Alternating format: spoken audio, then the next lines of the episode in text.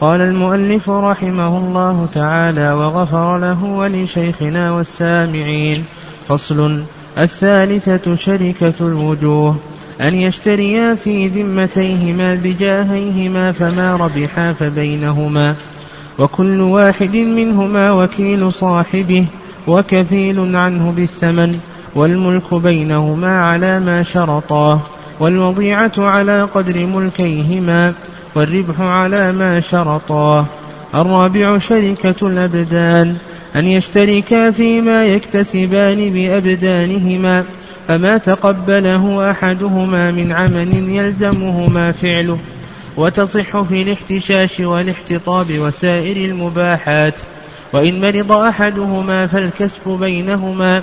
وإن طالبه الصحيح أن يقيم مقامه لزمه. الخامسة شركة المفاوضة الخامس شركة المفاوضة أن يفوض كل منهما إلى صاحبه كل تصرف مالي وبدني مالي وبدني من أنواع الشركة والربح على ما شرطاه والوضيعة بقدر المال فإن ادخلا فيها كسبا أو غرامة نادرين أو ما يلزم أحدهما من ضمان غصب ونحوه فسدت. باب المساقاة. تصح على شجر له ثمر يؤكل.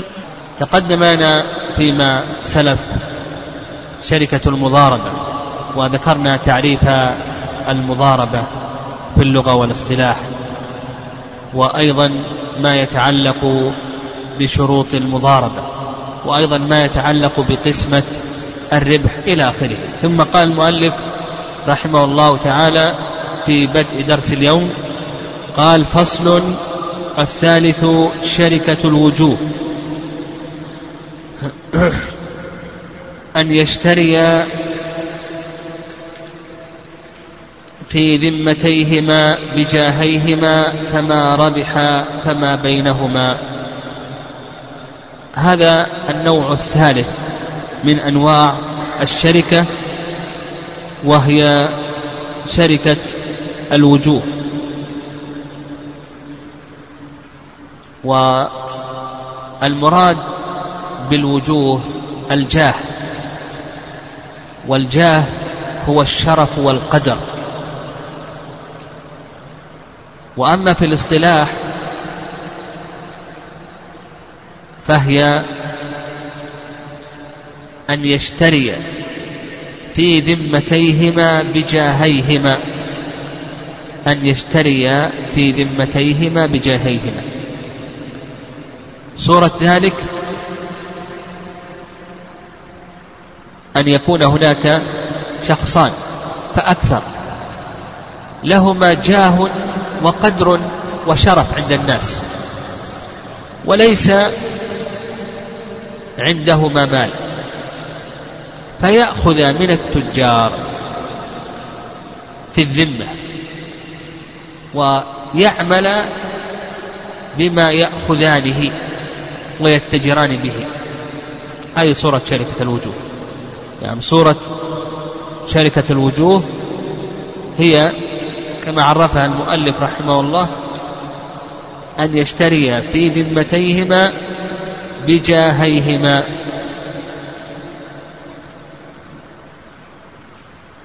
وذلك بأن يكون هناك شخصان فأكثر لهما قدر وشرف عند الناس.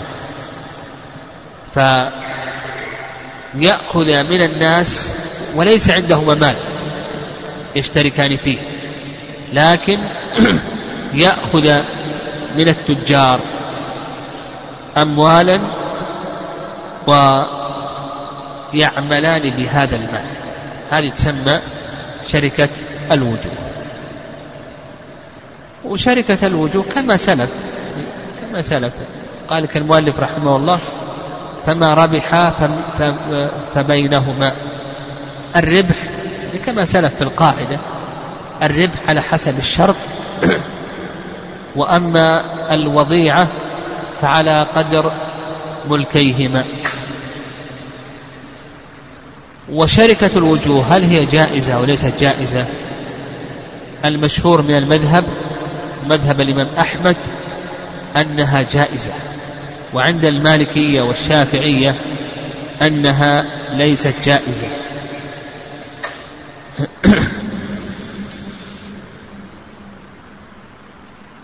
المذهب ومذهب الحنفية أنها جائزة وعلتهم في ذلك يقولون بأنها عبارة عن وكالة عن الشركاء الباقين. في البيع والشراء. يعني هي تتضمن تتضمن الوكالة وتتضمن الكفالة. فكل من الشركاء كفيل عن الآخر ووكيل عن الآخر كفيل عن الآخر بالثمن ووكيل عن الآخر بالتصرف. هما الآن أخذا في ذمتيهما أموالا. يعملان بهذا المال. الشركاء اثنان أو ثلاثة. كل واحد من الشركاء كفيل للشريك الآخر. بمعنى أن صاحب المال يطالب هذا الشريك أصالة عن نفسه وأيضا كفالة عن شركائه فهو كافل لشركائه. والكفالة جائزة. وأيضا هي وكالة. فإن الشريك يتصرف بهذا المال بالنسبة لنفسه أصالة وبالنسبة لشركائه هو وكيل عنهم. بالنسبة لنصيب شركائه هو وكيل عنهم تصرف عنهم. والرأي الثاني رأي المالكية والشافعية قالوا بأنها ليست جائزة. آه. قالوا لأن الشركة تقوم على المال والعمل وكلاهما معدوم. ولكن هذا غير صحيح. المال موجود وكذلك أيضا العمل موجود. قال المؤلف رحمه الله وكل واحد منهما وكيل صاحبه وكفيل عنه بالثمن.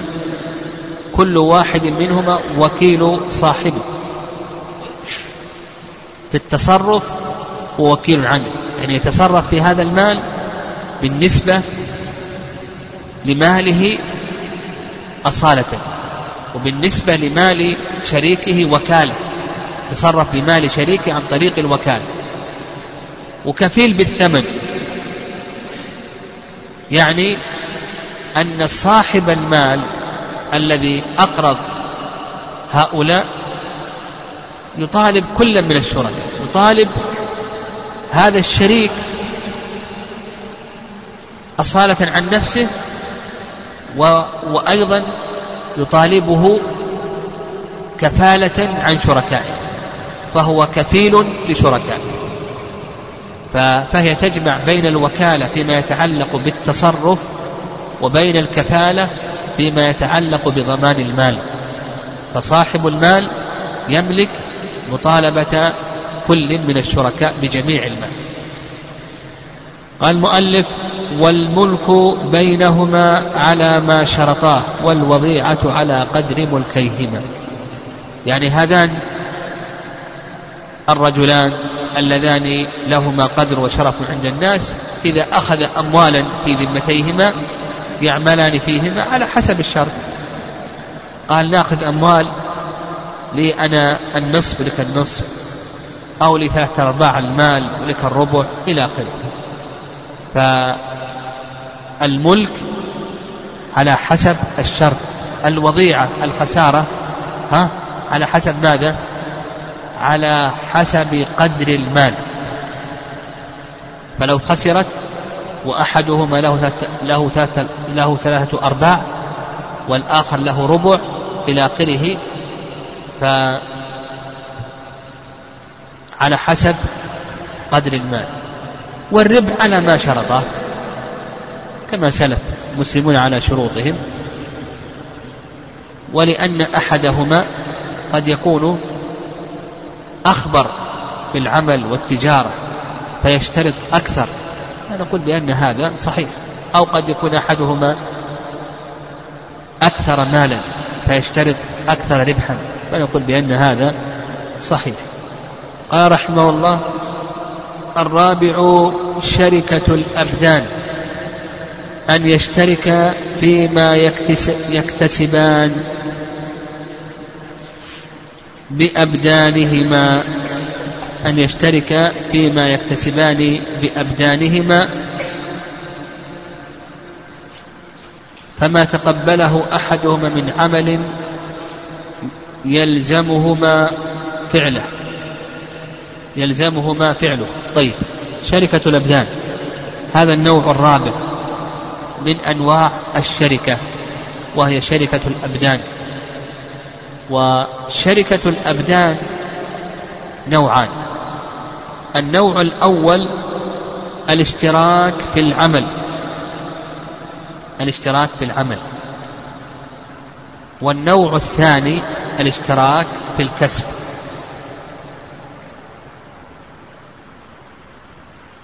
أو نقول النوع الأول الاشتراك من قبل أصحاب الحرف والمهن. من قبل أصحاب الحرف والمهن. والنوع الثاني الاشتراك في الكسب.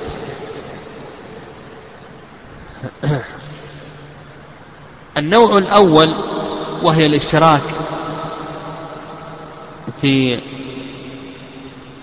الحرف أو اشتراك أصحاب الحرف والمهن إلى آخره. هذا جائز عند جمهور العلماء رحمهم الله تعالى خلافا للشافعي. فمثلا الحدادون إذا اشترك الحدادون أو اشترك البناؤون أو اشترك الذين يعملون في إصلاح الكهرباء أو إصلاح الماء مواسير المياه نحو ذلك. يصح أن يشترك أن يشترك. يشترك الحدادون يعملون في هذه العمارة وما رزق الله عز وجل فهو بينهما على حسب الشرط. أو الخياطون يشتركون أو الطباخون أو غير ذلك. يشتركون وما رزق الله فهو بينهما على حسب الشرط. وهل يشترط اتحاد الصناعة أو نقول بأن هذا ليس شرطا؟ للعلماء رأيان. الرأي الأول نعم الرأي الأول أنه يشترط الاتحاد في الصناعة. فما يصح أن يشترك الحدادون والبناؤون؟ أن هذا لا يصح. وهذا قال به المالكية رحمهم الله. والرأي الثاني وهو المشهور من المذهب. نعم الرأي الثاني وهو المشهور من المذهب أنه لا يشترط اتحاد الصناعة. فمثلا لو اشترك بناء وكهربائي أو سباك أو مهندس وطبيب نحو ذلك اشترك أن يعمل. وما يكتسبان فهو بينهما. نقول هذا صحيح وليس صحيحا؟ نقول بأن هذا صحيح. وهذا هو الصواب. يعني هذا هو الصواب لأن الأصل في الشركات الحلم. شركات الحلم. هذا النوع الأول من نوعي شركة الأبدان وهي الاشتراك في الحرف والمهن. وهذا باب واسع. وهذا باب واسع. وجواز مثل هذا هذا من محاسن الشريعة. لأن هذا الشخص قد يجد عملا والآخر قد لا يجد. قد يجد البناء عملا لكن السباك ما وجد شيء اليوم فما اكتسب أو اكتسب أحدهما فإنه يكون بينهما على حسب الشرط. نعم وفي هذا من التعاون ما هو ظاهر. طيب. القسم الثاني من نوعي الشركة أن يشت... الاشتراك في الكسب فيما يكتسبان من المباحات. كأن يخرج للصيد وما يصيد فهو بينهما أو يخرج إلى البحر وما يستخرج من معادن أو صيد. أو جواهر فهو بينهما أو يخرج إلى الصحراء وما يكتسب ويحصل من حطب أو حشيش ونحو ذلك فهو بينهما.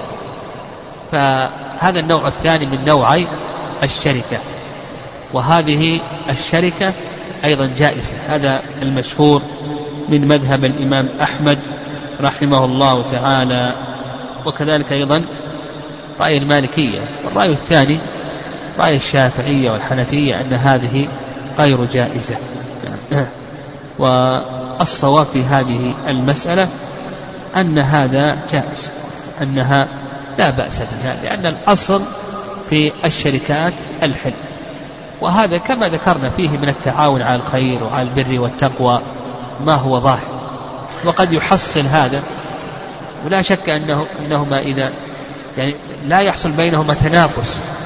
إذا خرج للصيد جميعا إلى آخره قد يحصل أحدهما ولا يحصل الآخر فيشتركان فيه. يعني إلى آخره.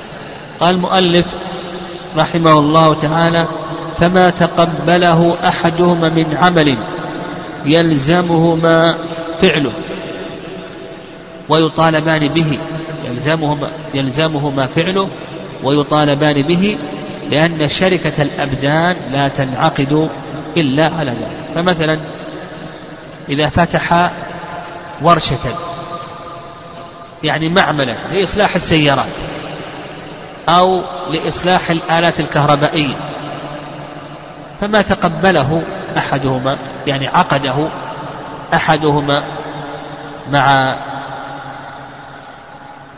من يريد إصلاح هذه الآلة أو هذه المركبة فإنه يلزم جميع الشركاء. لأن كل واحد من الشركاء كفيل كل واحد من الشركاء وكيل عن الآخر.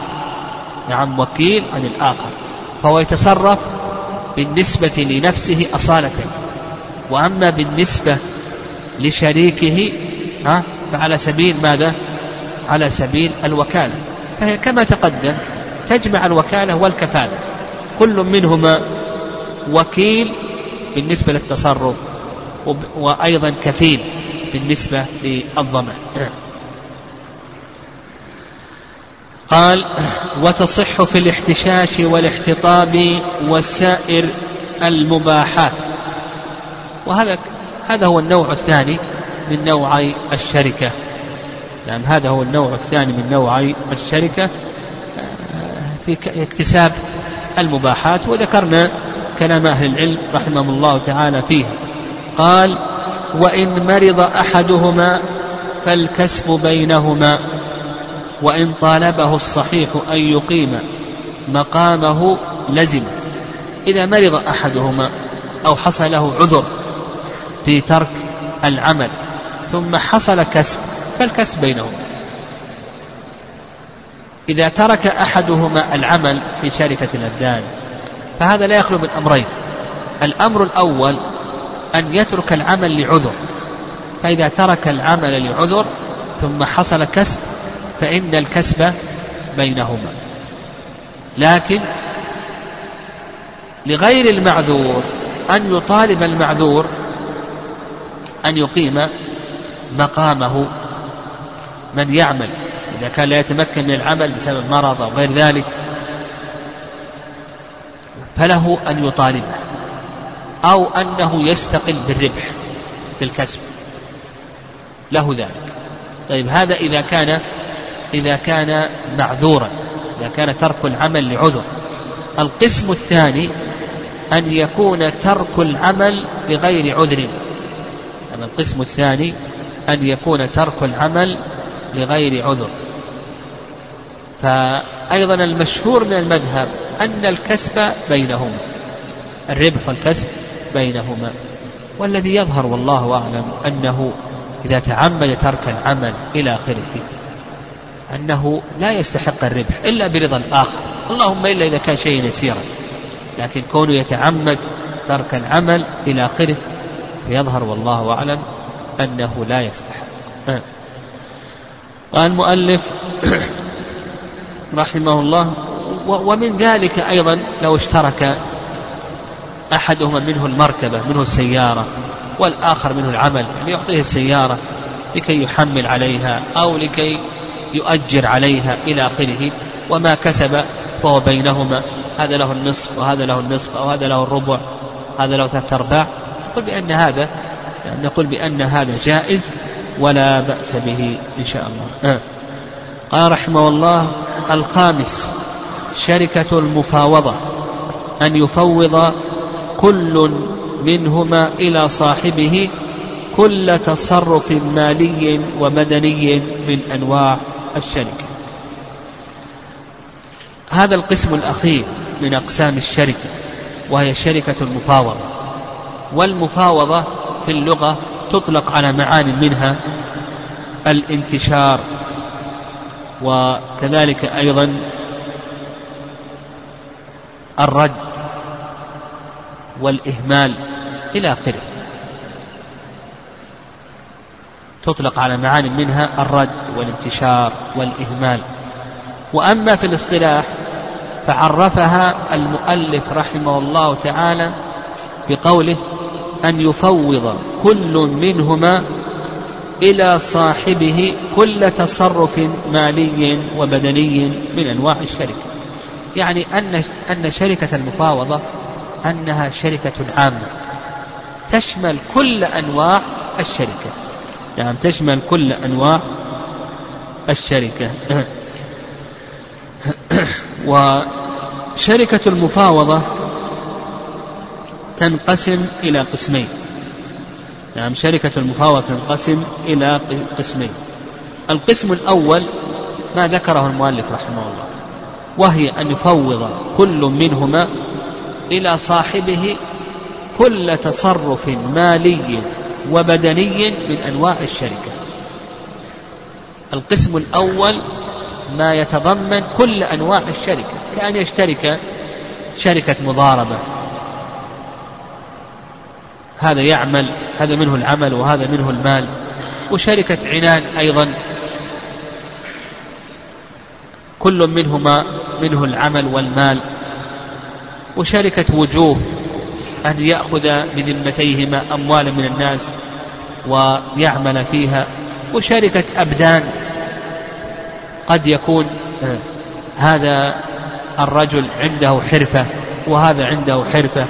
هذا يكون مثلا خياط وهذا سباك أو نحو ذلك وما يحصلان أيضا داخل في الشركة أو هذا موظف هذا مدرس وهذا موظف إلى آخره وما يحصلان من رواتب فهو في الشركة. المهم النوع الأول من نوعي الشركة ها ما يشمل كل أنواع الشركة. اشترك شركة وجوه يأخذان بذمميهما أموالا. وشركة أبدان أيضا يكتسبان المباحات من احتطاب وصيد كله داخل في الشركة. وشركة مضاربة أحدهما يدفع مال والآخر منه عمل. وشركة أيضا عنان في هذا النوع من الأموال هذا منه مال وهذا منه مال ويعملان فيه إلى آخره حيث أنها تشمل كل أنواع الشركة. أه؟ يسمى ماذا؟ مفاوضة. هذا النوع الأول من نوعي شركة المفاوضة.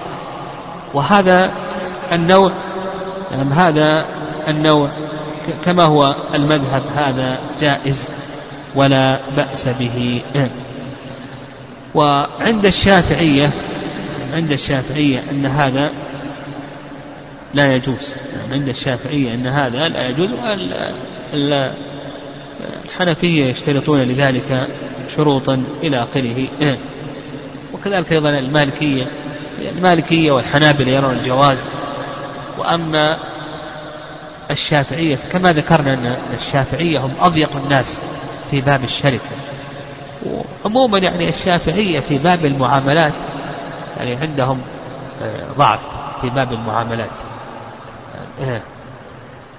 وأوسع الناس كما ذكرنا هم الحنابلة رحمهم الله ولهذا يجوزون هذا النوع ثم ذلك المالكية. أما الحنفية فهم يشترطون شروطا لحل هذا النوع. طيب قال المؤلف هذا النوع الأول ويأتي النوع الثاني. قال المؤلف والربح على ما شرطاه والوضيعة بقدر المال كما تقدم. هذه كما ذكرنا ضابط ضابط في باب الشركة أن الخسارة على قدر المال وأن الربح على ما شرطاه وأن الملك على حسب الشرط. قال فإن أدخل فيها كسبا أو غرامة نادرين أو ما يلزم أو ما يلزم أحدهما من ضمان غصب أو نحوه فسد. هذا النوع الثاني. وقال لك المفاوضة النوع الثاني أن يدخل فيها الأكساب النادرة كوجدان اللقطة أو الركاز أو الميراث أو ما يلزم أحدهما من ضمان غصب أو أرش جناية ونحو ذلك. وقال لك المؤلف رحمه الله مؤلف رحمه الله يقول لك بأن الشركة شركة المفاوضة عامة تشمل كما تقدم كل التصرفات المالية والبدنية. البدنية شركة الأبدان والمالية ماذا؟ المضاربة الوجوه العنان إلى آخره. طيب مما يدخل في البدنية الأكساب. قال لك إذا كانت الأكساب نادرة نعم هذه ما يصح أن تدخل فيها. لماذا؟ لأن النادر يترتب عليه ماذا؟ الغرض. لو قالوا كل شيء داخل في الشركة اللي يجد لقطة داخل في الشركة اللي يجد ركاز داخل في الشركة اللي يموت له شخص ويرث داخل في الشركة يقول هذا كسب نادر. لكن لو قالوا الرواتب أنت موظف تحط راتبك في الشركة وأنا موظف أحط راتبي في الشركة. يصح أو لا يصح؟ هذه أكساب غير نادرة. فقال لك الأكساب النادرة هذه ما يصح أن تكون في الشركة لما يترتب عليها من الغرض. وكذلك أيضا لو جعلوا في الشركة قالوا ما يلزم أحدنا من أرش جناية أو ضمان غصب ونحو ذلك غصب أو جنى. هذا يؤخذ من الشركة قال لك المؤلف رحمه الله ما يصح. قال لك بأنها تفسد بما, يتض... بما لكثرة الغرض. نعم لكثرة الغرض. انتهى باب الشركة. بقينا في مسألة أيضا قبل أن ننتقل إلى باب المساقات وهي ضابط العمل في باب الشركة. ما هو ضابط العمل في باب الشركة يعني مثلا شركة العنان كما تقدم أن شركة العنان شركة العنان أن يشترك بماليهما وبدنيهما. مثلا فتح بقالة محل تجاري لبيع المواد الغذائية أو لبيع السيارات معرضا لبيع السيارات. وش ضابط التصرف؟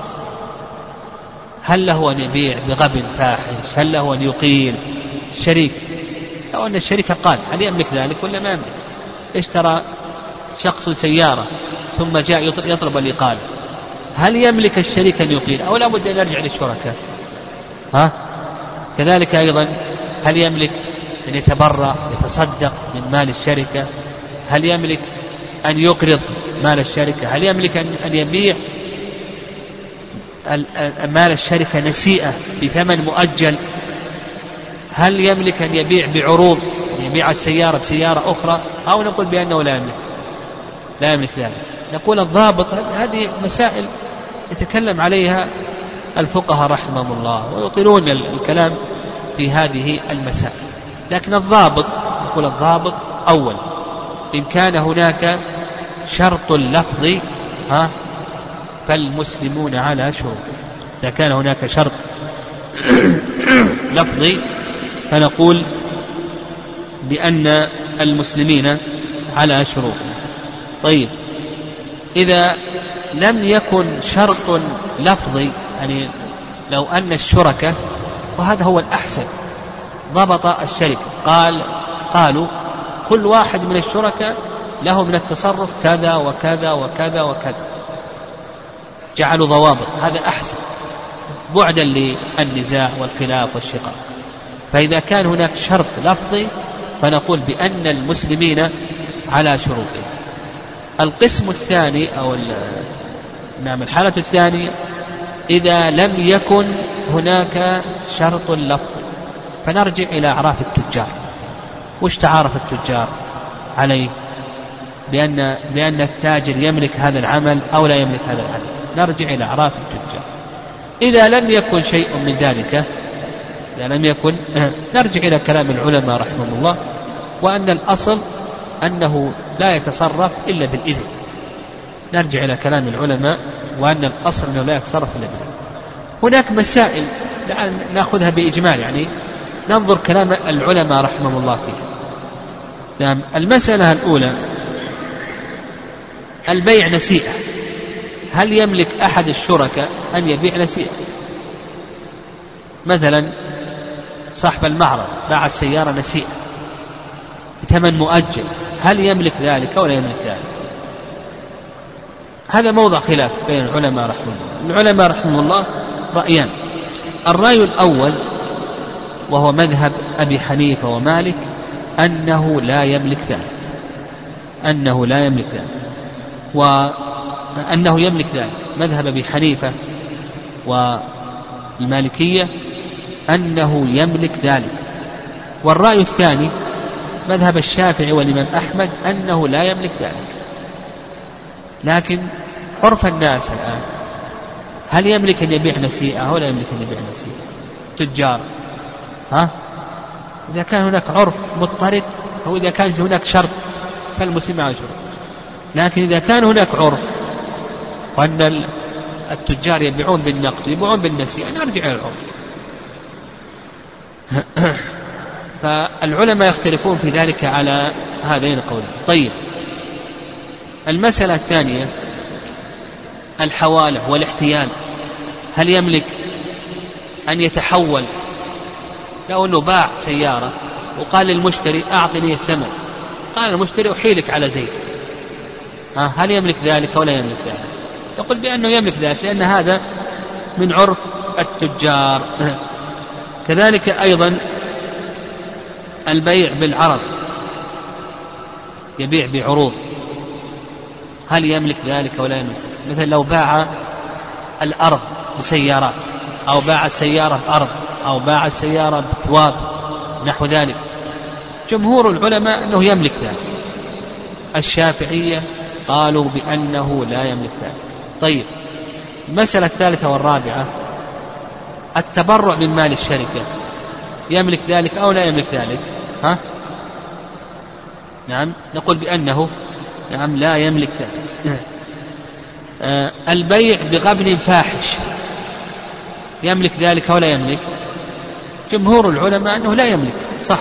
جمهور العلماء أنه لا يملك. لكن عند أبي حنيفة يرى أنه يملك ذلك. آه. آه كذلك أيضا الإقراض من مال الشركة. نعم الإقراض من مال الشركة. هل يملك أن يقرض من مال الشركة أو لا يملك؟ ها؟ نقول بأن جمهور العلماء أنه لا يملك الإقراض. وعند المالكية يقولون يرجع في ذلك إلى المصلحة.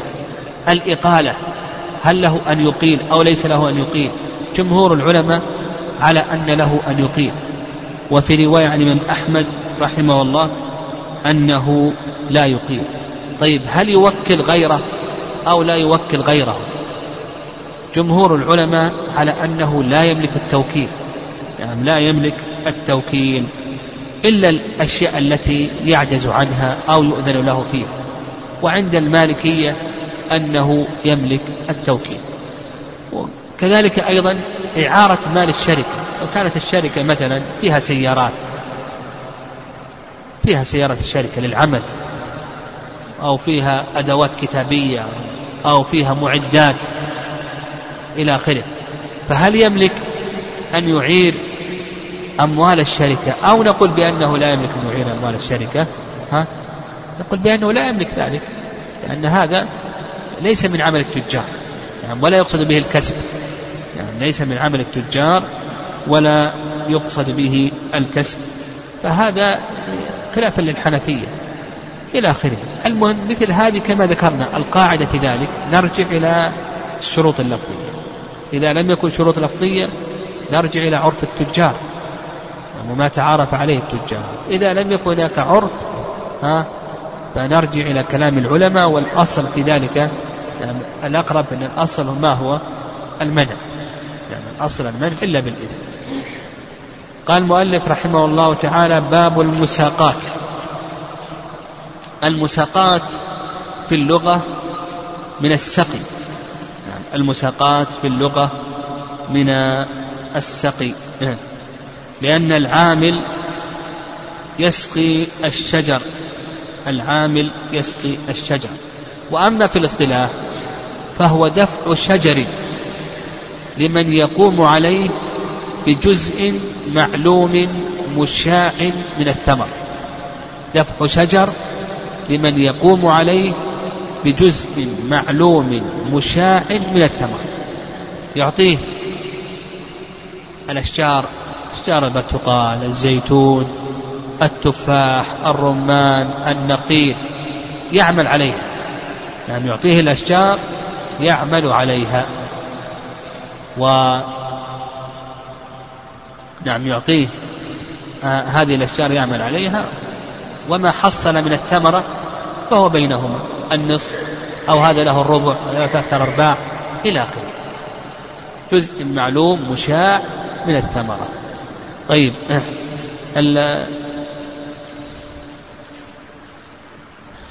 المساقات موضع خلاف بين العلماء رحمهم الله تعالى فيها.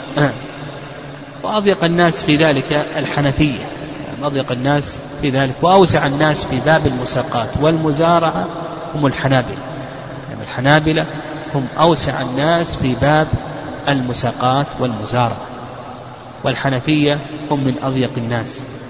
ثم بعد ذلك الشافعية. طيب جمهور العلماء على أن المساقات جائزة.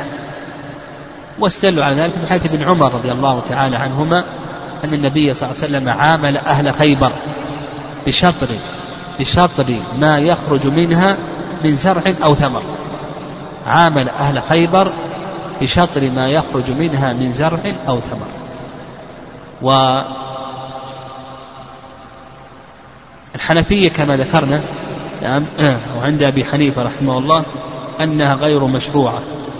ويدل لذلك استدلوا بذلك بحديث رافع بن خديج أن النبي صلى الله عليه وسلم قال من كان له أرض فليزرعها أو ليزرعها أخاه ولا يكاره بثلث ولا ربع ولا ربع ولا طعام مسمى. من كان له أرض فليزرعها أو ليزرعها أخاه يعني يعطيها أخاه يزرعها أخاه وينتفع بها ولا يكارها بثلث. ولا ربع. يعني بثلث الثمرة أو ربع الثمرة. ولا بطعام. نعم ولا بطعام مسمى. نعم والصواب في ذلك ما عليه جمهور العلماء رحمه الله. وأما هذا الحديث فهذا الحديث محمول على أمرين. الأمر الأول أنه محمول على ما كان في أول الإسلام. هذا الحديث كان في أول الإسلام. لما كان الناس في حاجة. لما كان الناس في حاجة. فنهى النبي صلى الله عليه وسلم لما كان الناس عندهم فاقة إلى آخره. نهى النبي صلى الله عليه وسلم أن يكارها بثلث ربع إلى آخره. بل يعطيها أخاه. ونظير ذلك أن النبي صلى الله عليه وسلم نهى عن ادخار ماذا؟ لحوم الأضاحي. من أجل الدافة التي دفت فوق ثلاث. ثم بعد ذلك رخص عليه وسلم في ذلك. فهذا الحمل الأول. الحمل الثاني أو الجواب الثاني أنه أن هذا محمول على ما إذا كان آه نعم آه آه محمول على ما إذا كان هناك شيء معين. نعم إذا كان هناك شيء معين. يعني يقول لك الثمرة الفلانية أو أو ثمرة الشجر الفلاني ولثمر الشجر الفلاني إلى آخره.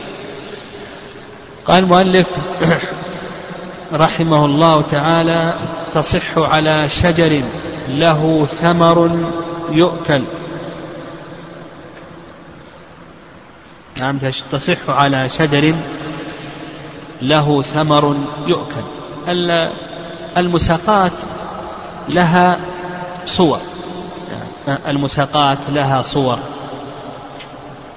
الصورة الأولى الصورة الأولى أن يدفع له أن يدفع له شجرا مغروسا أن يدفع له شجرا مغروسا له ثمرة. وهذه الثمرة يعني من يدفع له شجرا مغروسا له ثمرة. وهذه الثمرة لم تكتمل. فيقوم عليها العامل حتى تكتمل. فهذا نقول بأن هذا جائز. يقوم عليها العامل بجزء مشاع معلوم من الثمرة. نقول بأن هذا جائز ولا بأس به. الصورة الثانية أن يدفع له شجرا لم يثمر. فيقوم عليه العامل حتى يثمر. بجزء مشاع معلوم من الثمرة. طيب الصورة الثالثة أن يدفع له شجرا ليس له ثمر يؤكل. نعم ليس له ثمر يؤكل. نعم ثمره لا يؤكل. نعم لا يؤكل. فظاهر كلام المؤلف رحمه الله تعالى أنها لا تصح المساقات وإن كان الثمر ينتفع به. فالمذهب أنه لا بد أن يكون الثمر ها ماذا؟ ثمرا يؤكل ولهذا قال لك يؤكل. وعلى هذا إذا كان الثمر لا يؤكل فإنه لا يصح. والرأي الثاني أنه إذا كانت الثمرة مقصودة وينتفع بها وخصوصا في مثل وقتنا الآن في مثل وقتنا الآن يعني بسبب تقدم الصناعات ونحو ذلك أصبح الآن يستفاد من, من كل شيء تقريبا. فإذا كان له ثمر مقصود وينتفع به فيصح ذلك. وربما أن الثمرة هذه تدخل في صناعات ومستحضرات طبية أو نحو ذلك مما يكون أفيد من مسألة الأكل. طيب الصورة الرابعة والخامسة. ها الرابعة. الصورة الرابعة أن يدفع له شجرا.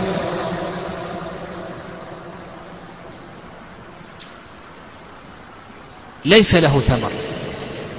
ليس له ثمر وإنما ينتفع بأغصانه أو بأوراقه أو بساقه ونحو ذلك. نعم ليس له ليس له ثمرة. ف فعلى كلام المؤلف رحمه الله هل تصح المساقات أو لا تصح؟ على كلام المؤلف رحمه الله تعالى أن المساقات لا تصح. لا بد أن تكون المساقات على ماذا؟ على شجر له ثمر له ثمر يؤكل. فعلى كلام المؤلف رحمه الله أن المساقات لا تصح. والرأي الثاني في المذهب أن المساقات صحيحة ما دام أنه يقصد ويستفاد.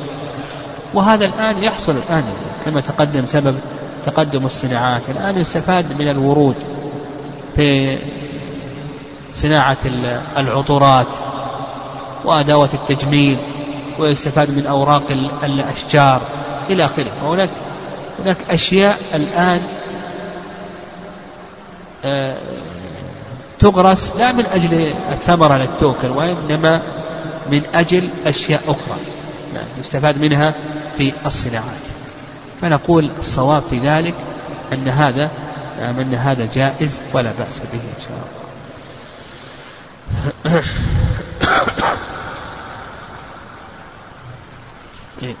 لا, لا نقف على هذا.